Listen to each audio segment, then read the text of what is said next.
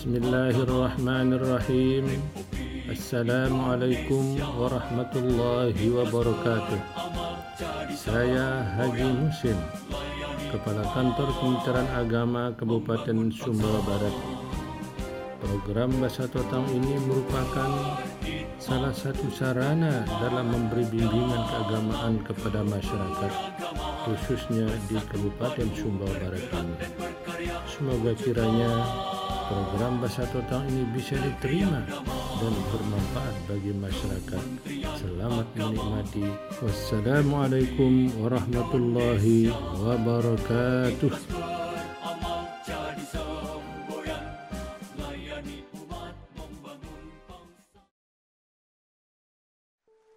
Assalamualaikum warahmatullahi wabarakatuh. Alhamdulillah. والصلاة والسلام على رسول الله حبيبنا محمد بن عبد الله أشهد أن لا إله إلا الله وحده لا شريك له. وأشهد أن محمدا عبده ورسوله الذي لا نبي بعده. رب اشرح لي صدري ويسر لي أمري. Wahlul 'uqdatam min lisani yafqahu qawli amma ba'd. Bapak Ibu hadirin hadirat yang insyaallah dimuliakan Allah Subhanahu wa taala. Alhamdulillah kita bersyukur kepada Allah Subhanahu wa taala atas segala nikmat yang telah diberikan kepada kita semua sehingga kita semua bisa hadir di tempat ini dalam rangka meningkatkan keimanan, ketakwaan dan pengetahuan kita terhadap agama kita yaitu agama Islam. Yang mudah-mudahan dengan pengetahuan agama yang luas kita akan mendapatkan ridho dari Allah Subhanahu wa taala.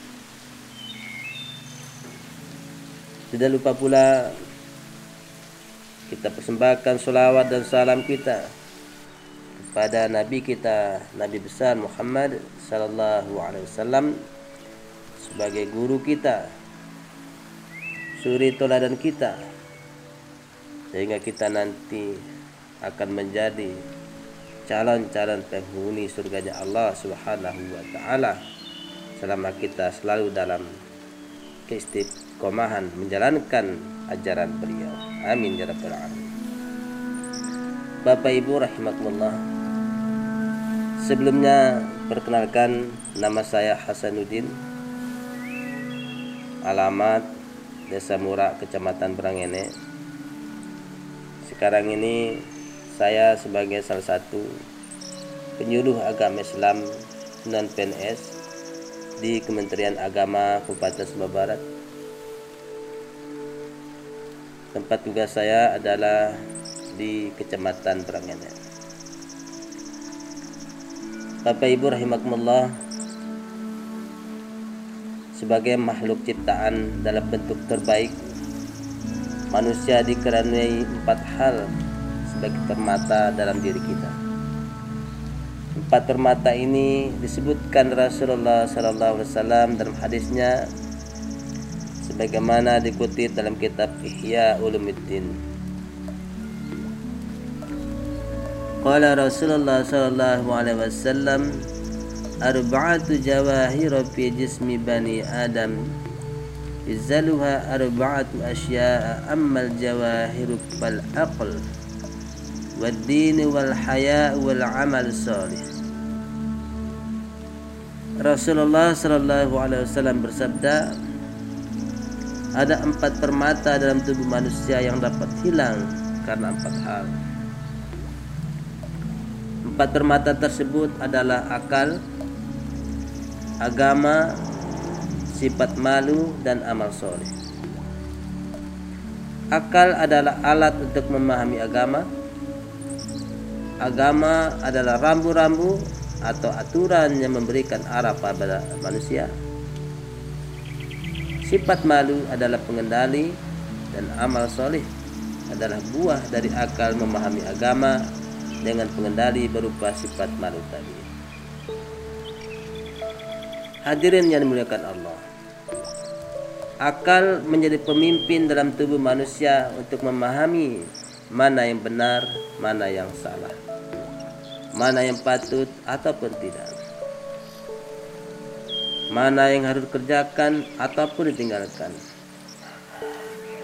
Ibnu Hajar Al-Asqalani dalam kitabnya Nasaihul Ibad mendefinisikan akal sebagai jauharun ruhaniyun khalaqahu Allah taala muta'allaqan bi badnil insani yu'rafu bil haqq wal batil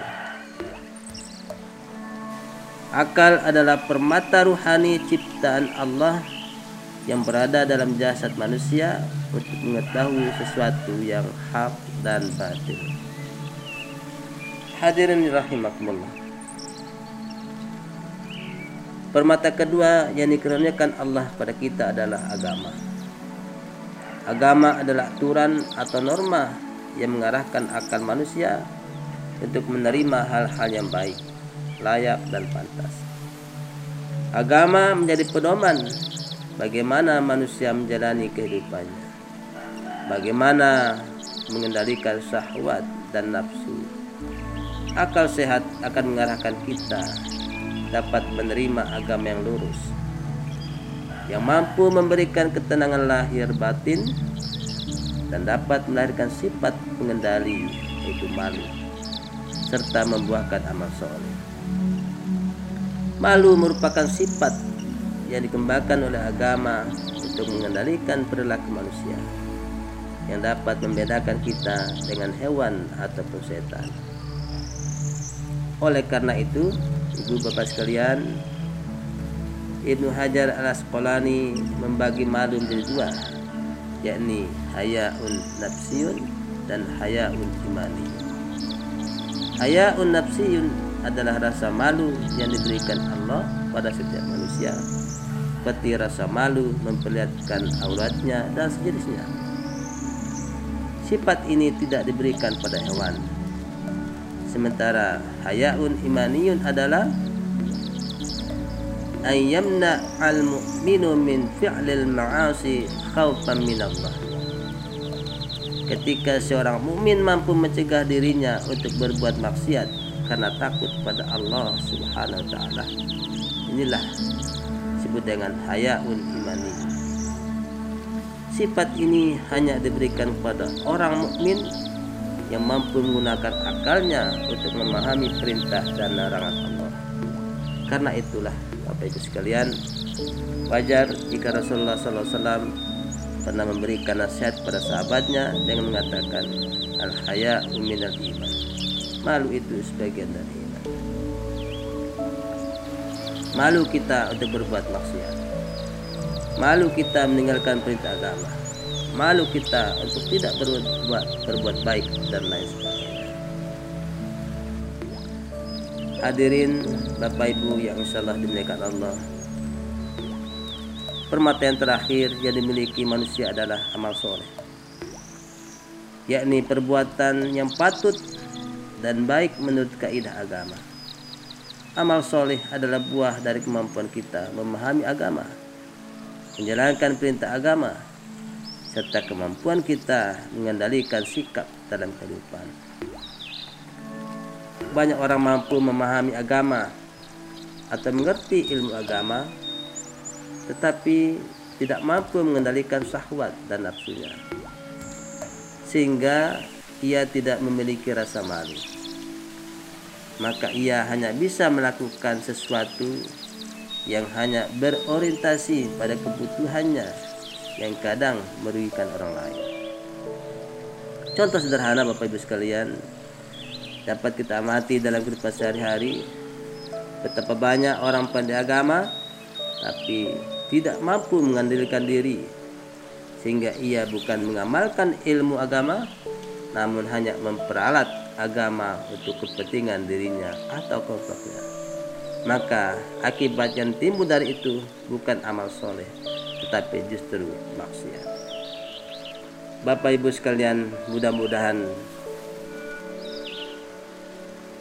bermanfaat tausiah singkat ini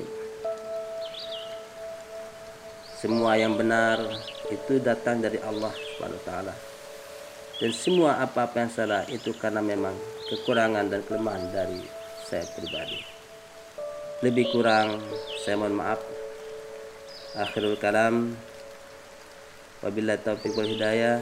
Assalamualaikum warahmatullahi wabarakatuh